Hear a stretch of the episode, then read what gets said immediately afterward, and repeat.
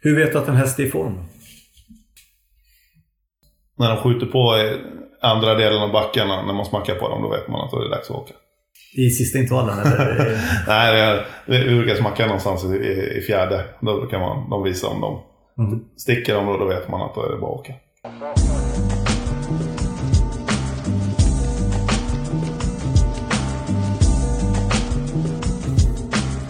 Ja, är det någon som med pondus och säkerhet kan svara på en sån fråga, hur man vet att en häst är i form, så är det väl Fredrik Wallin. Hans tränarrörelse har dubblat sina siffror för inkörda pengar flera år i rad. Häng med hem till tränaren som bygger ut och satsar för fullt, men samtidigt kämpar för att få ner antalet hästar i stallet så att han kan behålla den totala kontrollen. Du lyssnar på Träningsbiten, en podd om travträning där jag, Kasper Hedberg, besöker olika tränare och hänger med dem en träningsdag i stallet för att sen kunna känna dem på pulsen om just deras träningsupplägg. I detta avsnitt får ni följa Fredrik Wallin.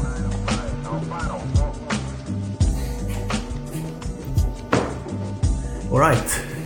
Kaffet kokar i bakgrunden. Men eh, ja, första gången vi stötte på varandra var ju på Årets Hästgalan. Eh, jag satt några bord bort från dig och såg på dig eh, i samma stund som Årets eh, Sto presenterades. Och Årets Sto blev ju activated. Och det tog några sekunder innan du ställde dig upp och gick fram till scen. Minns du vad du tänkte på i, de, i just de sekunderna som passerade?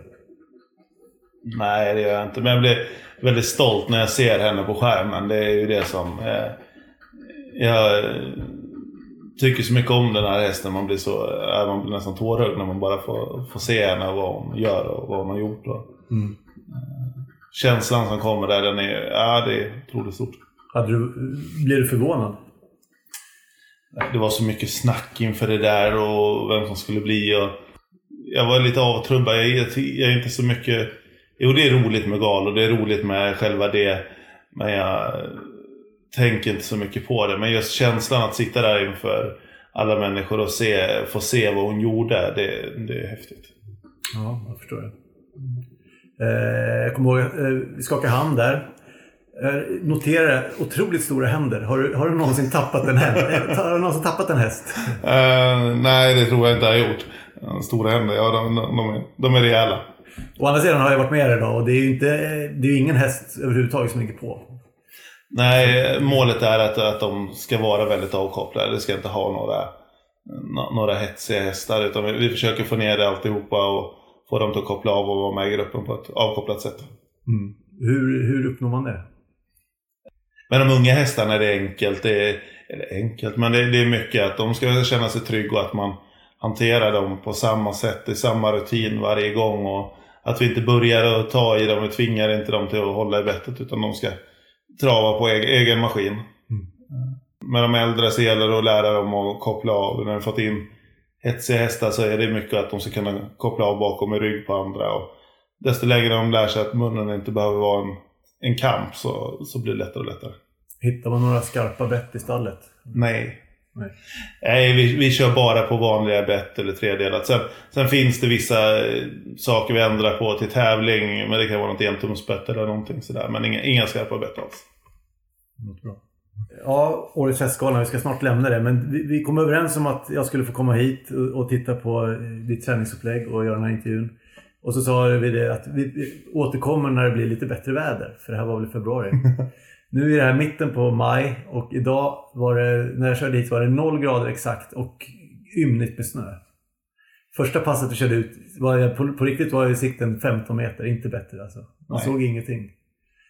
Det blev, det blev kanske dag, årets sämsta dag. Men, Jag tror inte vi har haft så här mycket snö på hela vintern.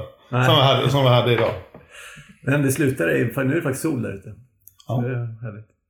Eh, jag pratade med dina, några av dina anställda här lite snabbt och frågade vad, vad ska jag ställa Fredrik för frågor? Det, och det har jag förstått själv också men jag fick ju höra att Fredrik, det, han eh, grunnar väldigt mycket fram och tillbaka. Han har alltid en plan. Med, och han tänker väldigt mycket och tänker långt fram i tiden. Men så vilken träningsrelaterad fråga går du runt och tänker mycket på just nu? Då? Ja, jag har ju ett par olika. Eh, om, vi tittar på hur, hur hästarna, eh, vad, vad som hände med hästen så är det väldigt mycket på varför de gör vissa saker. Eh, hur kroppen reagerar, varför de trampar igenom är en sak som är väldigt stort i mitt huvud just nu. Varför, varför slår du igenom? Eh, det finns jättemånga, för alla säger, de, man säger att de har ont i framknäna, man säger att de har ont. Eh, det är inte riktigt så enkelt. Det, finns, det, det är någonting annat. Jag försöker hitta, hur ska man få dem starkare för att slippa det här? Kan du bara eh, kort beskriva vad är att trampa igenom? Ja, men det är, när, när nedslaget blir för hårt så att kotan slår igenom i marken Mm. i, i träningen. Eh, och det påverkas till viss del utav glidfasen, hur materialet går mot dem. Men sen är det någonting med hur, hur de är uppbyggda och varför, varför det drabbar mig ganska mycket, det vet jag inte riktigt. Vad, vad är du inne på för spår? Det har mycket med underlaget och hur, hur eh, att de alltid belastas i uppförsbacke och att de blir starka på ett annat sätt. Sen de som har trampat igenom det faktiskt, det, det är mina bästa tävlingsmärrar. Det är de som har varit, haft de här svagheterna. Eh, Ingen Heaven, Activated, Uscara, eh, Rokin. Alla de här som har varit, som har tävlat på en högre nivå har lyckats med det här. Och varför är det dem? Det vet jag inte. Och riktiga svaret håller jag... Äh. Du kanske är något på spåret där. Du letar hästar som trampar igenom. ja, de, är- de, de har ju en bra svikt, så, så är det. Men eh, av någon anledning, på något sätt så måste de bli är starkare. det något eh, exteriört du har sett? Som, som är, sammanlänkar de här fyra hästarna till exempel? Ingen, ja, ingen av de här är, har egentligen en exteriör som jag tycker borde trampa igenom. Det finns ju hästar som har veka kotor och sådär. Men de har inte det på det här sättet. Så att, nej, jag, jag, jag kan inte hitta orsaker just nu. Eh, in, liksom när du går och grunnar på det här, kommer du fram till en slutsats som gör att du lägger om träning ibland? Ja, men det kan det göra. Jag hade förut när jag tyckte att, jag, att de blev slitna i hasorna, hästarna. Eh, glidleder. eh, alltså, jag förstod inte varför jag var så hårt drabbad av det. Sen insåg jag att i accelerationen i våran träning, i våran backe som är ganska kort och det underlaget är ganska eh, tungt. Eh, så blev det väldigt, väldigt mycket belastning för dem. De fick harhasar och de fick eh, slitningar. Sen ändrade vi hur vi startade upp varje intervall och det har minskat slitaget på hästarna betydligt. Mm. Det är klart, man ändrar på små saker hela tiden. Så det, det pågår ständig tankeverksamhet. Ja. Ja, men det måste det göra. Man måste ju fundera på varför de gör de olika sakerna och, och hur vi ska kunna göra det bättre. Hur, hur, eh, hur vi kan läsa hästen bättre. Oftast det gör ju inte några hästar fel med, av vilje. Det är oftast för att någonting inte stämmer. Och då, då är det mycket att läsa av det. Mm. Det är väl den eh, stor, största biten om man säger. Och då är det mycket funderingar på varför vi hamnar i Fredrik Wallin håller till i Huddungeby i Heby kommun. Han har faktiskt verksamheten uppdelad på två olika gårdar som ligger med ett långt stenkasts mellanrum. Men hur länge har du tränat eh, på gården med nu? Du, den här gården har du köpt för två år sedan, är det stämmer? Eh, Ja, precis. Den har vi köpt. Men du har varit på samma, liksom, tränat på samma marker längre än så? Ja, jag har tränat här länge. Eh, jag tog ut min licens december 2013. Så jag har haft licens. Jag har haft, sen 14 då har jag hållit på. Det är sex år. Men innan dess så hade jag eh, lite hästar på amatörbasis här. Så att jag har kört häst här sedan eh, 2005. Och, och träningsmöjligheterna har varit de samma ungefär? Eller? Ja, de har varit detsamma. Däremot har uppläggen varit lite olika och vi har tränat på lite olika platser än vad vi gör nu. Men den här banan har jag nog hållit på med sedan 2008. Kan du beskriva eh, gården och eh, träningsmöjligheterna? Gården i sig är ju, den här gården som vi håller på att bygga upp just nu är eh, 25 hektar mark. Åkermark som ligger runt, runt anslutet runt gårdscentrum. Vi har 25 boxar här nu. Vi håller på att bygga upp ett nytt stall till. Så vi ska få 45 boxar på den här gården. Eh, sen har vi en gård till som ligger en kilometer härifrån och där har vi en 25 hektar mark till och en 12 boxar till. Träningsmöjligheterna, det, det är egentligen, vi har tränat i samma backe, en sandbacke. Det är det inte, utan en backe som har lagt på ett tyngre material och den är på en 400 meter, 450 meter skulle jag vilja säga. Har du mätt upp eh, höjdskillnaden? Eller, eller lutningsgrad? Jag har bara gjort det med eh, en app och mm. den säger väl att det är en 12-15 meter. Sen hur, hur mycket det är, det ska jag inte säga riktigt. Det, det viktiga har varit, det, det man ser, det, det, är att nivåskillnaden och det tunga underlaget gör ju att, att, att de får anstränga sig väldigt hårt. Att du får upp en puls som jag vill påverka liksom, mm. upp till en nivå. Och just lutningen gör ju ganska mycket att, att man får kombinationen. Ja, men jag har ju varit med och kört här. Då. Det, visst är det en backe, men jag tror många när de tänker backe tänker nog en, en, en, en backe med större lutning och äh, större höjdskillnad. Absolut. Och, och det, det, tror jag nog att de flesta tänker. Och den här banan är egentligen den är, den är inte så brant och det är inte jättetungt. Och det, det är lite, lite mittemellan av allt. Men den är, den är, är djupharvad i alla fall. De gånger du vill ha den djup. Ja, den är djup och den, den ska vara den, den anstränger hårt. De, de får kämpa rätt så hårt. Idag hade vi ett lite sämre väder. Där, där vattnet har gjort att det, att det packar ihop sig lite hårdare än vad det skulle göra. Den är tung och den, den, de får kämpa i den. Jag skulle inte vilja ha den brantare. Det varit svårt med tungt underlag på det. Vi, på vintrarna kör vi en mycket brantare backe. Eh, kanske är 40 meter i, mm. i höjdskillnad på 500 meter istället. Istället för en 12-15 här. Mm. Men för att kunna hålla underlaget på ett bra sätt så, så, skulle man inte vilja ha mycket brantare än vad det här är. Men har, är det förutsättningar som har gett eh, att du tränar här och på det här sättet? Eller är det att du har letat den här backen för att det passar ditt koncept och du hittade den i skogen?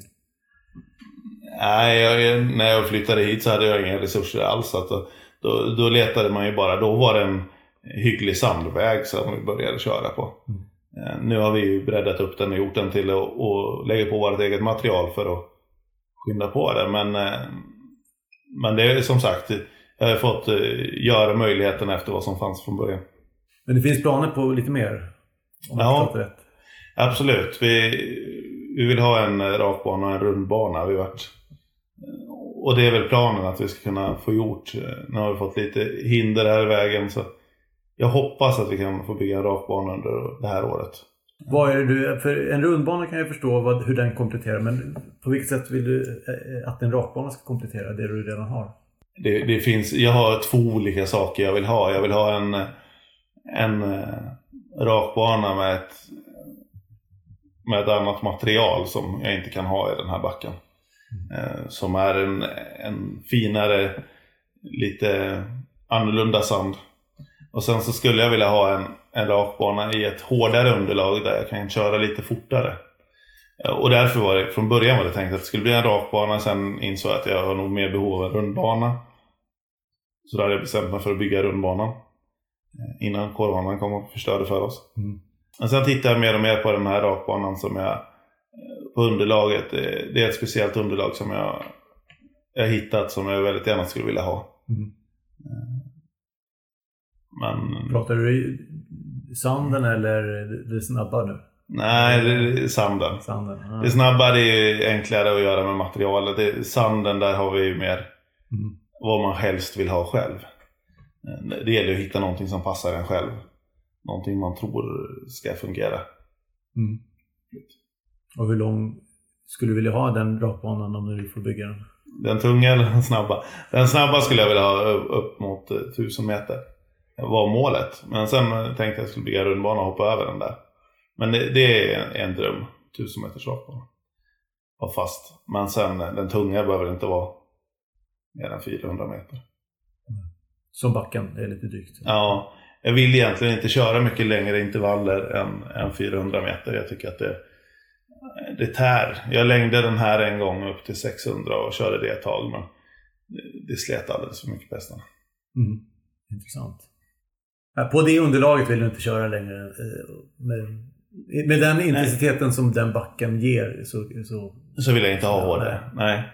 För när man kommer upp på över 400 meter så du kommer upp på längre tid och längre distans så ökar, ökar mjölksyran i muskeln. Mm. Vilket gör att du får en trött muskel. Och när du får den trötta muskeln så ökar risken för skador. Jag har aldrig haft en gaffelband, jag har nästan till aldrig kört på en skada överhuvudtaget här i backen. Utan de, de slitningarna som kommer, de kommer efter vi har tävlat två, tre gånger. Eh, och då finns det problem med att man kör på mycket mjukt underlag. Då, då blir det att kanske få lite mer problem med, med framkotor och sådär. Som jag tycker att jag har sett. Mm. Att jag har fått mer ansträngningar på, efter, inte när vi tränar, men i själva tävlingsfasen. Att de kanske inte är riktigt lika.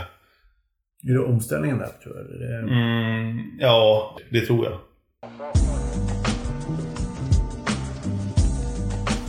I travsammanhang pratar man gärna stammar, men hos Fredrik Wallin saknas det travgener. Det var istället intresset för djur som till slut fick Fredrik att hitta till ett travstall. Vi, kommer, vi, vi ska dissekera eh, dagens träningsrundor, men vi, vi kan först ta lite bakgrund. Du, du nämnde själv, du fick, eh, tog ut licens 2013, sent 2013. Det är alltså bara sex, drygt sex år sedan. Nu är inne på ett sjunde år, eller vad det blir. Och ehm, eh, Själv har jag följt travet nära i mer eller mindre hela mitt liv. Men jag måste ändå säga att när, när du började dyka upp i startlistorna så var det lite eh, som en dark horse för mig. Jag hade ingen riktig koll på vem du var från början. Vad, vad, vad, kan du dra din travbakgrund? Ja, men jag kommer från Göteborg. Jag eh, jobbade där. Jag hoppade av skolan när jag gick i åttan, mitten på åttan. Och började hos en amatör.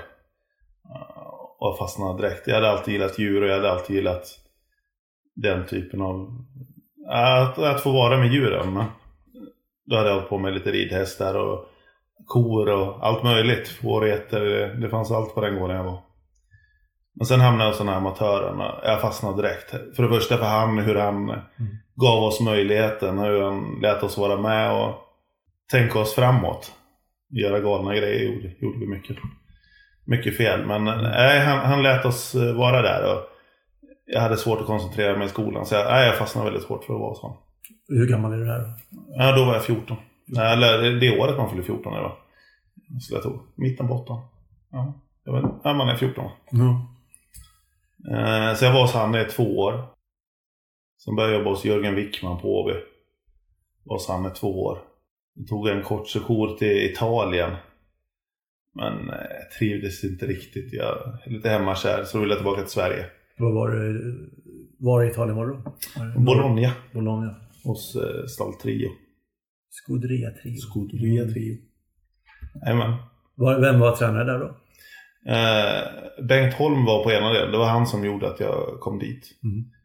Nej, för de hade ju varit på den perioden innan där. Och jag lärde känna dem. Han flyttade tillbaka ner igen och då åkte jag ner till honom. Eh, men sen så ville de att jag skulle vara med unghästarna. Då var jag hos med en norrman. Det funkade inget bra. Trivdes inte. Så då åkte jag hem. Eh, då ville jag tillbaka till Sverige men inte till Göteborg. Då hamnade jag hos Jörgen Westholm. Mm. Vilket år är vi på nu då? Nå, då är vi nog på 2000. 2000. Eh, och sen dess har jag hållit till här uppe. Jag var hos Jörgen Wickman, eller Jörgen Westholm ett år. Eh, sen var jag på Västerbo stuteri i två år. Eh, sen jobbade jag för olika tränare på Julmyra. Petre Salm eller Karivara där med. De stod för hästarna åt den ägare som vi jobbade åt. Och sen efter det så gav jag mig till Gävle och jobbade ihop med Jenny Åsberg eh, några år. När jag startade mitt eget. Och man kollar resultaten här. 2013 tog du ut licensen. Eh, 2016 körde du in en dryg miljon. Året efter 2017 då dubblade du och körde 2 miljoner. 2018 då var du nästan uppe på 4 miljoner. Och sen förra året då över 10 miljoner. Ja. Eh, otrolig resa alltså. Och är, är den utvecklingen självklar för dig?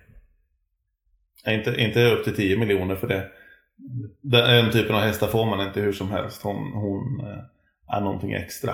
Du pratar om activator nu? Ja, Activator. Absolut. Jag tyckte att jag hade ett bra år, men jag trodde faktiskt inte ens att jag skulle... Jag trodde att jag skulle vara nöjd om jag kom upp till 3,5 igen. Ja, Det var häftigt att kunna slå det. Alla hästarna eh, presterade på en bra nivå. Det mesta flöt på. Hästarna ville leverera. Nej, det var ett häftigt år. Är det siffror som sporrar dig nu eller jagar de dig? Nej, ingenting av det. Eh, i år i år, då var då. Jag tittar inte så mycket på det sättet. Jag, däremot tittar jag i stallet och det kan stressa mig när jag inte tycker att de levererar som jag vill. Men eh, gång, gången tiden, den påverkar inte. Så du tänker inte att and, andra förväntar sig nu att du ska liksom stanna på samma nivå?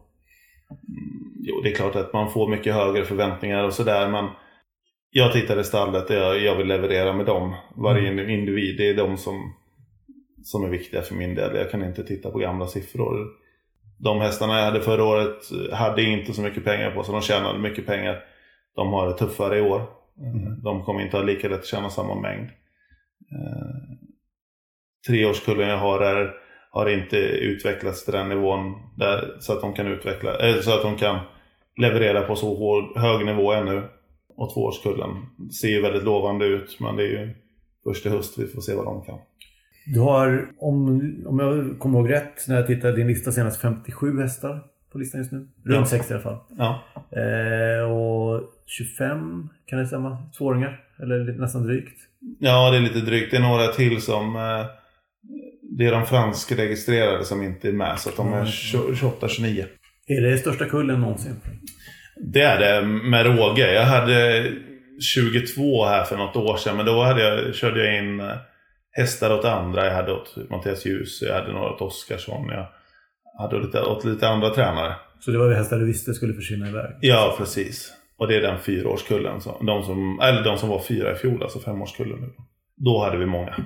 Tre, de som är tre nu, den var planerat liten för att vi höll på att bygga gården så jag kunde inte utveckla så mycket då. Eh, Men sen var det en otroligt stor kull förra året. Du nämnde tidigare för mig här att, att det egentligen ligger du på ett för högt antal, tycker du själv? Ja, det är lite för mycket. Jag, jag skulle nog vilja ner till... Eh, drömmen är väl att ligga runt 40, 35-40. Jag gillar att vara med och pilla i allt. Jag gillar att styra allt och jag gillar att ha koll på varje individ. Eh, desto större det blir, desto mer... Desto tuffare blir det. Mm. Och eh, det krävs otroligt mycket jobb. Jag är med fullt men jag skulle kunna lägga till mig lite bättre om jag kommer ner en liten smula till. Vi börjar närma oss intervjuns kärna. Hur ser egentligen träningsupplägget ut? Fredrik Wallin har ungestprägel över sitt stall och jag fick vara med en träningsdag fylld av tvååringarnas backintervaller. Och idag har det varit fokus på eh, tvååringarna. Det är onsdag idag och det innebär att det är mycket tvååringar som körs. De, de körs måndag, onsdag, fredag. Stämmer det? Ja, det stämmer. Precis. Tvååringarna går fort måndag, onsdag, fredag. Eh, och på onsdagar då är meningen att jag ska vara med där nere hela dagen. Mm. Eh, och oftast på fredagarna också. För, för som det ser ut nu så står tvååringarna på en egen gård. En, eh, två kilometer härifrån. Ja, precis. Men eh, det, det passar ganska bra egentligen att vara med en dag nu med unghästträning. För du, du har ju ändå blivit... Ditt signum är ju bland annat att du är unghästtränare. Du kanske, vissa skulle säga att du är stortränare också. Men vi kan ta den frågan senare. Men eh, unghästar har du blivit känd för att lyckas väldigt bra med. Och du plockar ut väldigt många själv också va, från auktioner och köper. Om vi börjar i den ändan. Vad, vad, är, vad är det du letar efter när du letar en unghäst? Alla letar väl i det stora hela efter samma sak. Vi letar efter någon med fantastiska motorer och stabila ben och en, en, stabil, en trygghet så. Men eh, viktigaste saken hos mig det är att du har en, eh, en stor frammotor där du får plats med hjärta och lunga. Där du verkligen kan. Eh, att du har starka haser. Har du veka haser så kommer du tycka att det är jobbigt i backen. Det är väl de sakerna som, som är viktigast för mig. Sen är det ju helheten när du ser hästen. Att, du, att den är proportion- proportionerlig med sig själv. Alltså. Du kan inte ha jättevinklar eller så om, om, inte, om inte resten av kroppen är byggd för att ha det. Så att, nej, det är väl en helhet som är den stora saken. Eh, Men självklart, en frammotor det är väldigt viktigt vad man ska. Är det något specifikt så här? Ja, det kanske är de här hasarna du pratar om som ska funka för att passa i ditt träningsupplägg. För- Ja, alltså det, det är väl en av de sakerna som verkligen har visat sig att det, det går inte här. Har du ett par svaga hasar då, då ryker du ganska fort i din, din kropp. Mm. Passar inte i att trycka på i, i backen. Eh, Det, skulle, det går ju, när de blir äldre. Men det, det, blir lite för mycket slitage på dem för att, jag ska, för att, det, ska, för att det ska passa mig och hästarna. När, eh, när börjar du med inkörningen?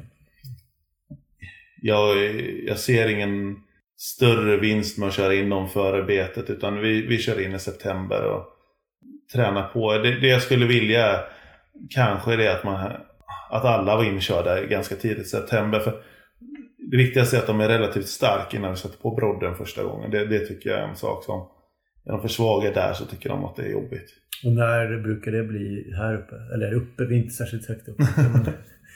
när, när brukar du få skruva i, skruva i den första brodden? Ja, men eh, nu sista åren har vi inte behövt göra det förrän mitten på december och det är jättebra. Men eh, innan där så hade vi väl i mitten på november och då, då vill man helst ha kört dem lite mer. Det är väl enda nackdelen.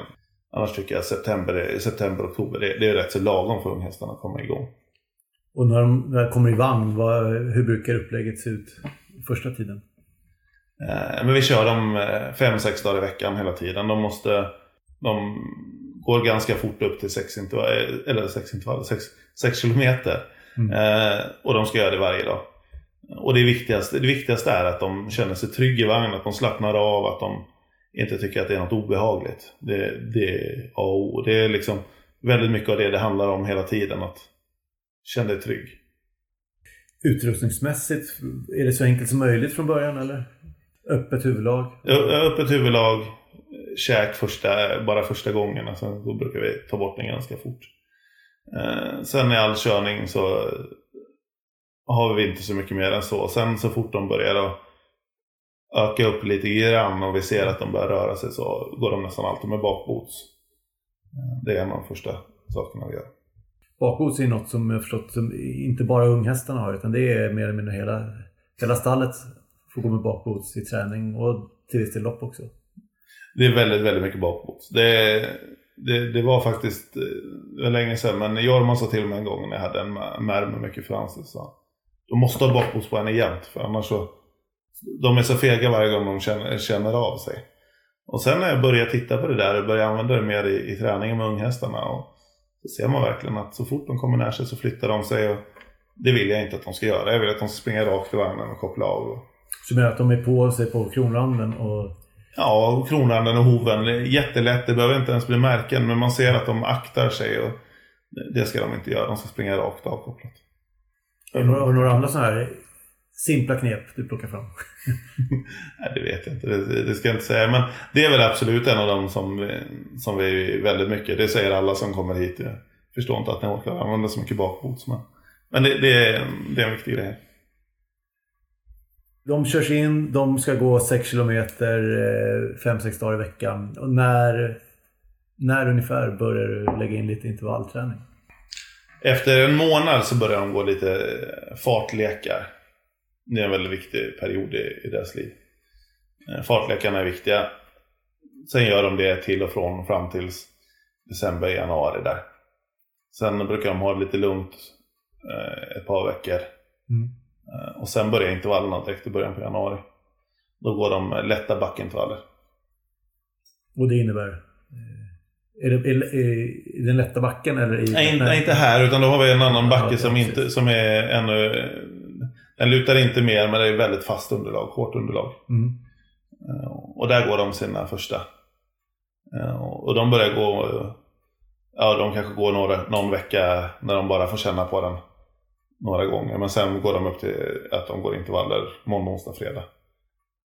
Ja, från där någonstans mitten på januari, början februari. Är det samma upplägg som jag fick vara med om idag då? Att det är sex intervaller på måndag, fyra onsdag, sex på fredag? Eller är det... Nej, alltså det är en, en fas som de går igenom när de går uppåt. Så första gångerna kanske de bara går två. Eh, sen kommer de upp till fyra. De går nog upp till sex i den lätta backen innan de flyttar ifrån den om man säger. Och då går de sex intervaller måndag, onsdag, fredag. Eh, sen har de flyttat upp till den tunga backen. Och då får de gå den oharvad, den är lite mer lutad, lite mer kuperad. Underlaget rör sig lite mer. Eh, då går de ner och så går de 3-4 första perioden. Sen går de upp så att de orkar gå fyra måndag, onsdag, fredag. Sen efter en period, eh, när man känner att de är starka, så går de upp till sex intervaller. Eh, en dag och sen blir det två dagar. sen till slut så blir det tre dagar. När brukar de få flytta upp till den tunga backen? Ja, i år vart det lite tidigare. I år vart det i, mitten på april. Annars så brukar det vara i mitten på maj. Det beror lite på vilken grupp man tillhör. Eh, de som ligger längst fram är ju där lite tidigare och de andra tar lite längre tid för. Men äh, till och med början av april så var de första upp i år. Så. Och sen nöter de på så här. Men du berättade också tidigare för mig att eh, du testade lite nytt upplägg i år. Ja, precis. Vi, förut så har man kört eh, intervaller tills man känner, tycker att de börjar kännas knöliga så vilar vi någon vecka då. Eh, nu har vi ett upplägg när vi tränar tre veckor tufft och sen har vi en vecka när vi joggar eh, hela tiden. Så att vi ska få dem till att att de inte ska hinna bli så slitna utan att de ska känna sig mjukare i kroppen hela tiden. En, en, du har ju en del tvååringar som startar. Såklart inte alla i stallet men eh, finns det någon skillnad i träning för de tvååringar som du tror kan bli startklara i år mot de som du kanske tror eh, startar först som treåringar? De tränar relativt lika. Däremot så går de ut i olika grupper. Eh, och tempot och hårdheten i intervallerna skiljer sig åt. De som är den gruppen som kommer tävla, de, de går... De tål tuffare och de är tuffare mentalt nu. Vilket gör att de går lite tuffare också. När, när brukar du kunna se vilka som kan vara aktuella för start som tvååringar? Men man ser det rätt så tidigt. De... Eh, i, I fartlekarna så, så väljer man ut de flesta. Då är det nästan klart. Det är inte många som, som ändrar sig från två till tre år. Där. Mm. Där kan man säga att du, du är med som tvååring, tvååring. Sen är det några av dem som skulle varit med som tvååringar som man, som man ser att de håller inte måttet när man sänker sen. Liksom. Eller håller måttet. De, de mm. följer inte utvecklingen. Så de kan flytta bort. Men det är få utav dem som, är, som säger från början att de ska bli treårstävlare det är få av dem som kommer som tvååringar. Mm. Det, jag ska inte säga att det inte har hänt, för det har det gjort, men det är inte många. Sen går de ju i sitt första... Den första gruppen går ju ofta sitt första barnjobb någon gång i januari. Eh, vi, vi har lekt med dem innan där och, och kört tempolekar, vi har inte kört intervaller, men då går de ett barnjobb. Eh, och då ser vi lite vad vi har dem.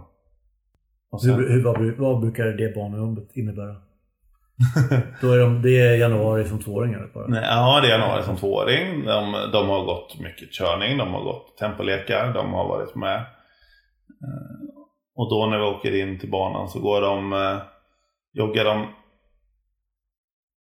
fem varv varav de tre sista, eller två sista, har fyra tem, ja, tem, tempolek liksom. Eh, och sen brukar de skritta en liten stund och sen så kör vi 2000 meter eh, i ett tempo som passar den gruppen. I rätt varv då? Ja, i rätt varv. Och vi kör alltid sulky när vi kör rundbanejobb. Det jag vill inte att de ska dra när vi är där utan det är bara för, för att det ska vara lätt. Innan de nu når backen en, en, en vanlig träningsdag som idag så har de ju fått värma upp också. Vad, vad, vad är viktigt med uppvärmningen?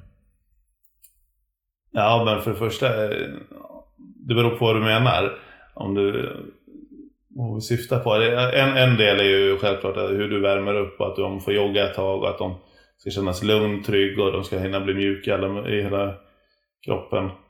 Eh, sen så vill jag ju gärna att de trampar igenom det, att de trampar ordentligt, att de har ett fast underlag och relativt hårt så att de är lättare för dem.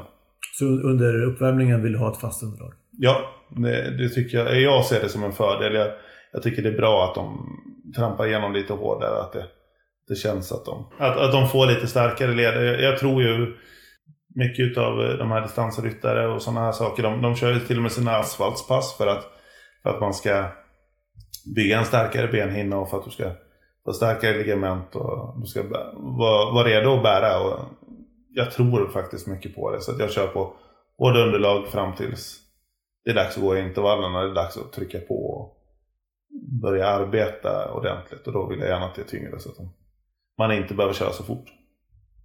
Intressant. Och, och fort ja, vilka tempor rör det sig om när vi kommer till backen? Vi kan fortsätta prata om, back, om eh, tvååringarna här. Ja, tvååringarna. Ja. Du, du körde ju med GPS-klockan. Jag kör ju normalt sett inte med klocka. Utan jag, jag kör bara efter hur motståndet känns mot hästen. Eh, att de arbetar i varje steg och att, det, att man ser att jag kör en pulsmätare i perioder för att se hur de följer. Vad är det du vill se då när du följer pulsen? Nej men det är om, eh, hur, om ansträngningen är till, ja, om, om ansträngningen är lagom för kroppen. Eh, Vi ligger på relativt hög puls i slutet av våra intervaller. Eh, Men det är också då det är tacksamt att de bara är 400 meter så att de inte ligger på för länge. Finns det någon skillnad i, i eh, hur hög puls du vågar driva på unghästar mot tävlingshästar? Tävlingshästarna går ju absolut hårdare, så, så är det. Men unghästarna har, har högre puls än vad, än vad man tror. När man sitter där och kör så, vad kör vi, två minuter kanske. Eh, men de, eh, de hamnar rätt så högt i puls. De går upp till 210-220 på den övre delen. Det är därför de inte får gå så många intervaller och sådär. Ansträngningen ska ligga i att, att man arbetar i varje steg. Har du testat att göra laktatmätningar här i backen? Det gjorde jag faktiskt för, men det är jättelänge sedan. Det var på, eh, vad hette hon då? Ingen Heavens mamma. Eh, och jag tror att det, hon var född 2004. 2006, 2007. Provade jag att köra lite laktatprover på dem. Men jag hade, har för lite kunskap om det. Jag hade absolut för lite kunskap om det då. Men det var bara intressant att se. Jag skulle eh, vilja hinna med tiden att sätta mig in mer i det. Jag, jag har inte gjort det än. Ja, spännande. Det är, en, det är, det är nästa grej som kommer behöva. Det är nästa grej du ska älta här då. Ja, den kommer. Den kommer. Jag, jag har haft mycket tankar och diskussioner och, och funderingar. Min veterinär har fått stå där och, och ta proverna och skaffa laktatmätare för att göra det. Men för att du måste ha en viss kunskap för att bära information. Så du, du har haft funderingar på det här men det, du gjorde det för länge sedan och du vill göra det i framtiden? Jag kommer att göra det igen. Det gäller bara att allt man måste få ett mönster där allting fungerar. Nu fungerar mönstret i, i jobben väldigt bra. Det är väldigt enkelt. Vårt system är uppbyggda. Alla kan det. Hästarna kan det. Så det skulle vara enkelt att göra. Mm. Ja, nej, eh, det är dags. Spännande. Vem bollar du tankar och, och träningsrelaterade frågor med? Förutom att du går och grunnar själv, är det någon du hör av dig till? Ja, det, det finns många. Alltså jag pratar gärna med folk. Eh, mycket problem med hästar och mycket hästar där, där jag inte känner att jag når mina resultat. Och får Fredrik Linde ta allt. För han har otroligt bra fakta på sig. Han är, är otroligt duktig. Och han ger mig mycket, ja, han ger mig mycket intressant. Um, sen är det, jag tycker det är en fantastisk sport så där man kan prata med alla, alla delar med sig och alla är hjälpsamma. Och, eh, gick till Westholm här för några veckor sedan och frågade vad, vad ska jag göra? Och, ja, han gav mig ett par förklaringar vad han tyckte. Och, Var det en specifik häst då? Ja, det var en specifik häst, en specifikt problem och jag frågade honom vad, vad gör du när du hamnar i det här? Ja, han drog ett par förklaringar, eller det, det han tänk, hans tankar och man blir, ja, det, det är roligt. Jag gick till Robert Berg för ett tag sedan och frågade varför, varför mina hästar slår sig på spatten så mycket när, när de blir äldre. Jag tycker inte, jag har sett att flera gör det när de har blivit gått tufft i tävlingssäsongerna. Inte riktigt hittat någon. Han tyckte att det lät fel så att eh, jag fick inget svar i det men, men Ja, det ska inte vara så var hans svar. Nej, nej han, när, när jag sa jag förklarade ett påstående och sen så sa han nej, så är det inte. Och sen, Okej, Nej. du hade en teori jag hade en teori, men eh, eh, han upplevde inte det så. Men eh, de, de är väldigt hjälpsamma. Jag tycker det är kul. Det är nästan vem det än pratar med i sporten så, så är de flesta hjälpsamma och Mm. med i tanken. Hur vet du att en häst är i form? När de skjuter på i andra delen av backarna, när man smackar på dem, då vet man att då är det dags att åka. I sista intervallen eller? Nej, det, det, vi brukar smacka någonstans i, i, i fjärde. Då brukar man, de visa om de Mm. sticker dem då, då vet man att då är det bara att åka. Nej, men eh, oftast så, så bygger vi upp dem. Man känner när, när spänsten kommer när musklerna ligger där och de tycker att det är enkelt och lätt. Då åker vi till banan och kör första jobbet. Och ibland, ibland behövs det två, men oftast räcker det. Precis. Om du, du, får in en häst i träning, vad, hur lång tid brukar det ta för dem innan de anpassar sig till din typ av träning? Och... Men oftast när de kommer in så i många fall så är det, finns det oftast ett problem med dem. Först så kör vi dem någonting och ser om vi hittar någonting vi kan åtgärda på dem. Eh, sen går de till veterinären. Eh, ibland får de träna en period till emellan innan vi åtgärdar dem för att vi ska hitta de riktiga felen. Eh, men sen brukar det, från de har kommit tills vi har startat, det har nästan, det har nästan tagit tre månader med varje. Tycker jag. Varje äldre häst jag fått. Men då har de hunnit med veterinären, de har hunnit med mycket träning. Och de har hunnit med två barnjobb oftast. Och då tycker jag att de har levererat på en bra nivå. Brukar det vara tufft för dem första gången de får gå i backen? Mm, ja, för många är det det. Det är det. Eh, sen kan jag vara olika snäll på hur bra jag tycker att hästen borde vara, vilken grupp man får gå in i. Om man får mm. mysa, mysa med treåringarna eller om man får gå ut med start, de starka starthästarna för dem. Det är otrolig skillnad på hur, hur identiteten i, i själva jobben är. Treåringar tävlar, tränar de ungefär som... Eh, de, de klassas då såklart som tävlingshästar. Och hur ser den skillnaden ut mot, mot hur tvååringarna får träna? Treåringarna går nästan också bara sex intervaller. Det är bara att de har ja, alltid en djupharvad bana. De har en, eh, ett lite högre tempo. Mindre vila mellan. Det är densitet, ja. Det, det som påverkar mest. Liksom. När får de gå upp och, och, och gå åtta intervaller? Det, det är inte... Det är fyraåringarna och äldre som som gör det. det, det är inte, och de, de, måste vara relativt starka i kroppen för att de ska få vara med där. Mm. Innan vi gör det, för då trycker vi oftast på. Då, de har ju höjt både tempot och, och intervallantalet så att de, det tar rätt så hårt på dem. Fredrik Wallins mest framgångsrika hästar har nästan uteslutande varit ston. Är detta en slump eller finns det substans i epitetet stortränare? Det här med stortränare då, är det, är, tycker du det är en korrekt beskrivning att, att du lyckas bra med ston? ja, jag har fått den men det, lite av, ja de har funkat, de har ju gått väldigt bra så jag ska inte säga, säga något annat. Men när jag började så hade jag inga pengar som sagt och då fick man köpa det, det som man gillade fast det billigaste var ju stona så det vart ju dem. Mm. Sen tycker jag det är kul att jobba med ston. De är, de är mer arbetsamma grabbarna håller på med massa dumheter. Tjejerna de, de arbetar. Men eh, jag hoppas att jag kan få leverera lite med grabbarna snart. För dem. Det, men det är ju så, just nu har jag 29 tvååringar och det är 10 som är hingstar och 19 som är ston. Mm. Det är lättare att leverera med 19 ston än, än 10 hingstar. Såklart, men är det, är det för att du har valt ut dem själv eller för att folk sätter dem i träning här? Både och. Folk säger att jag, har, att jag är duktig med ston så att jag får fler ston. Men sen ofta, det är ju så, jag köper ju hästar jag gillar exteriört eller hästar jag ser någonting i. Och jag bryr mig inte då om det är ett sto eller en hingst. Men sen när auktionsklubben kommer då, då är det större chans att det blir ett sto för jag har ingen stor plånbok. Utan ston är lite billigare fortfarande. Men det, det, finns inget generellt som du tror att ston funkar bra på med just ditt upplägg? Mm, nej, det tror jag inte. Däremot så tycker jag att just som unghäst, som tvååring, så är ston bättre. De har mycket lättare på fokus, de har mycket lättare för att arbeta. De, de är mer... Det är som skolbarn, alltså tjejerna sitter längst fram och, och räcker upp handen och grabbarna sitter och kastar suddgummi. Det, mm. det är lite så det fungerar i, i deras värld också. Håller du med om det här att, som, som man brukar säga, eller man, men menar, som ändå brukar föras fram att de riktigt bra stona är tuffare än, än de bra hingstarna? Jag har inte haft någon riktigt bra hingst, men de stona är tuffa, så är det. De hårda stona, de är, de är tuffa och de är hårda. Det gäller att förstå, förstå dem bara. Så. Nej, de, de är rejäla.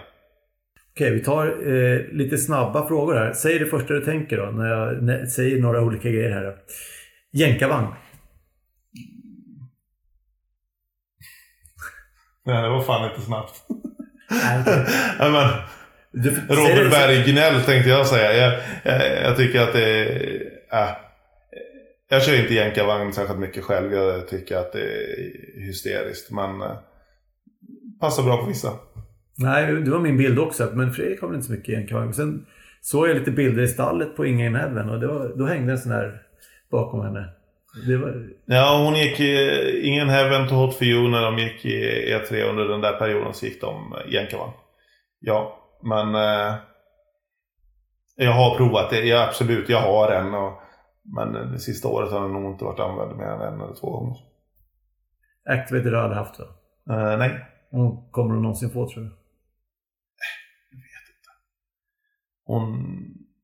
Det får hon säkert någon gång när jag vågar ta ut henne i ett kortlopp. Men jag, jag har ingen brådska. Okej, barfotakörning med treåringar. individanpassat. Det, det, det viktiga är ju att, att eh, jag tycker det är fel med förbud. Medan det finns hästar som slår sig mycket. De gynnas extremt mycket. Det finns hästar som är extremt rulliga. De, har, de kan knappt trava med skor. Nej, de borde få gå med det. Men barfota runt om eh, kanske inte är någon superviktig grej. Jag tycker inte om förbud. Borde det vara tillåtet där med tvååringar? det är samma sak där. Samtidigt är det ingen bråttom att starta tvååringarna men eh, har du en som eh, är extremt rullig så underlättar det för den att få gå barfota bak. Finns det någon som slår sig mycket på och, och kan trava lätt så kan det väl gå barfota fram. Det, det är så men jag ser inte att det... Äh, jag, jag gillar inte förbud men jag kör inte barfota med mina tvååringar heller. Nej. Eh, körspö då? Det är ju hett just nu. Mm, tycker jag är viktigt att vi får ha kvar men jag tycker absolut att man ska vara tuff på dem och tuff på dem som använder spöet, inte tuff på hästar. Eh, men eh, vi ska få ha kvar spöet i sporten, absolut. Däremot så det är viktigt att vi har jämna och bra domare och där man är noga med att säga ifrån. Veterinärer? På banan? Eh, nej, viktiga. Hur ser ditt samarbete ut med, med veterinärer? Jag har eh, Susanne Demmer som bor här när vi har jobbat ihop i 15 år. Jag jobbade för dem eh, ett par år. Hon lärde mig otroligt mycket. Eh, så hon är den största delen av veterinär som jag har här. Nej, vi har ett nära samarbete. Det är så många saker som är viktiga. Det är allt från att, jag tittar väldigt mycket halsar, jag är väldigt rädd för att starta en sjuk häst. Veterinären är viktig. Den, den, den är det. Det är inte hur du lagar, le- hur du lagar, lagar dem, men det gäller att hästen mår bra. Är, är hon här ute på fasta dagar eller? Eh, hon, hon är här nästan varje dag, men det är mer som vän, vän till företaget och, och till oss här. Så att hon, bor nära och kommer gärna förbi. På tävlingssäsongen då har vi oftast en fast dag när vi jobbar. Men det, vi har inte haft så mycket veterinärtid i år. Mer än med halsar. Vi har haft väldigt mycket halsinfektioner som har varit drabbade. Sista här snabba här. Sladda banor. Viktigt. Eh, Jag, jag sladdar mellan varje, mellan varje tur. Jag sitter själv i traktorn och är noga med hur jag vill ha det. Varför är det så viktigt? Nej men det är ju jätteviktigt hur hästen ska arbeta i jobbet och det, hur, hur den trycker på, hur, hur, hur tungt den får det och det är viktigt hur mycket vatten det är i banan och det, ja. Traktorjobbet är 50% av arbetet. Och du är den som, som sköter det mest här ute eller? Eh, ja, jag, jag, jag är egentligen all harvning. Sen har jag två som kan hjälpa mig ifall jag inte hinner dem. Så hur, hur mycket tid tror du blir i, i traktorn per dag? Oj. Nej, det vet jag inte. Jag lägger någon timme på morgonen och sen lägger jag en 20 minuter mellan varje tur och sen lite efter. Så det är fort, kanske 10 timmar mindre än Tarzan ungefär? Ja men han, han har ju så mycket mer banor. Han, så jag har ju bara mina 400 meter att vårda. Han ska ju vårda en hel anläggning. Men eh, hade jag haft hans anläggning hade jag nog också suttit i traktorn jämt. Jag tycker, nej, det är viktigt, en väldigt viktig sak. All right. Du, du har en Frankrike-satsning också som har pågått flera år. Hur ser den ut? Ja, just nu har jag ingenting där nere. Eh, år har inte varit så fruktsamt men jag, jag är ju väldigt eh, intresserad av fransk sport. Jag tycker att det är roligt och hästarna där är det är mer den typen av sport jag skulle vilja se här också. Där man lite mer körning, lite jämnare tempo och inte lika mycket taktik. det är roligare när bästa hästen vinner. Var, var håller du till med hästarna? Eh, nu de sista två åren har jag varit på Grobois och innan det var jag i Senlis. Eh, där skulle jag gärna vilja vara igen. Det är fint ute. Var ligger det? Eh, det ligger en ja, fyra mil norr om Paris. Mm. Men Grobois, hur, hur kan du ta med ditt träningskoncept eh, när du kommer dit?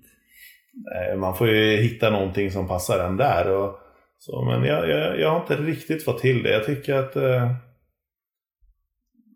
nej, jag har inte riktigt Där finns hittat inga, min- inga djupharvade banor va? Inga, inga djupharvade banor och lite sladdrigt underlag. Så jag tycker att det har varit svårt. Mm.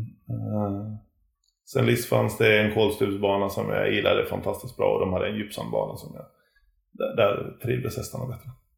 Sen är det svårt att leva utan hagar i mitt liv så är det stora hagar som gäller och mycket utetid. Ja, det har vi inte ens nämnt men eh, eh, hur många boxar har du på gården? Här har vi 25. 25. Och det är mer hästar än så, så det är många som går ut i lösdrift. Ja, vi har, lite, vi har lösdrifter. Det är mest unghästar som går på lösdrift. Det är några äldre också. Oftast eh, hästar som har varit skadade av en eller annan anledning. Eh, Annars vill jag gärna ha dem inne så att jag har koll på lite mer koll.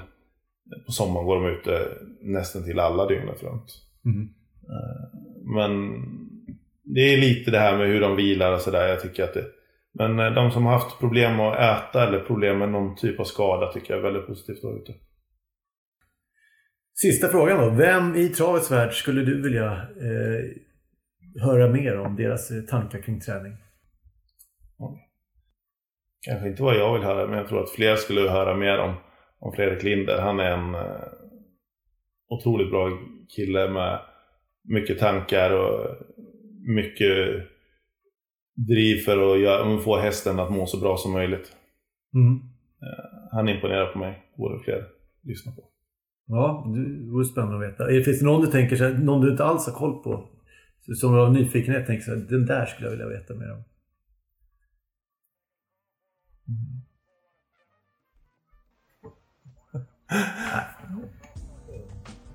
Du hinner inte lyssna ändå. Du har så mycket att ta tag i här hemma. Nej, jag gillar att lyssna på poddar. Jag lyssnar på poddar, eh, gärna de här travpoddarna när jag sitter och åker, åker bil eller gör något. Jag lyssnar mycket.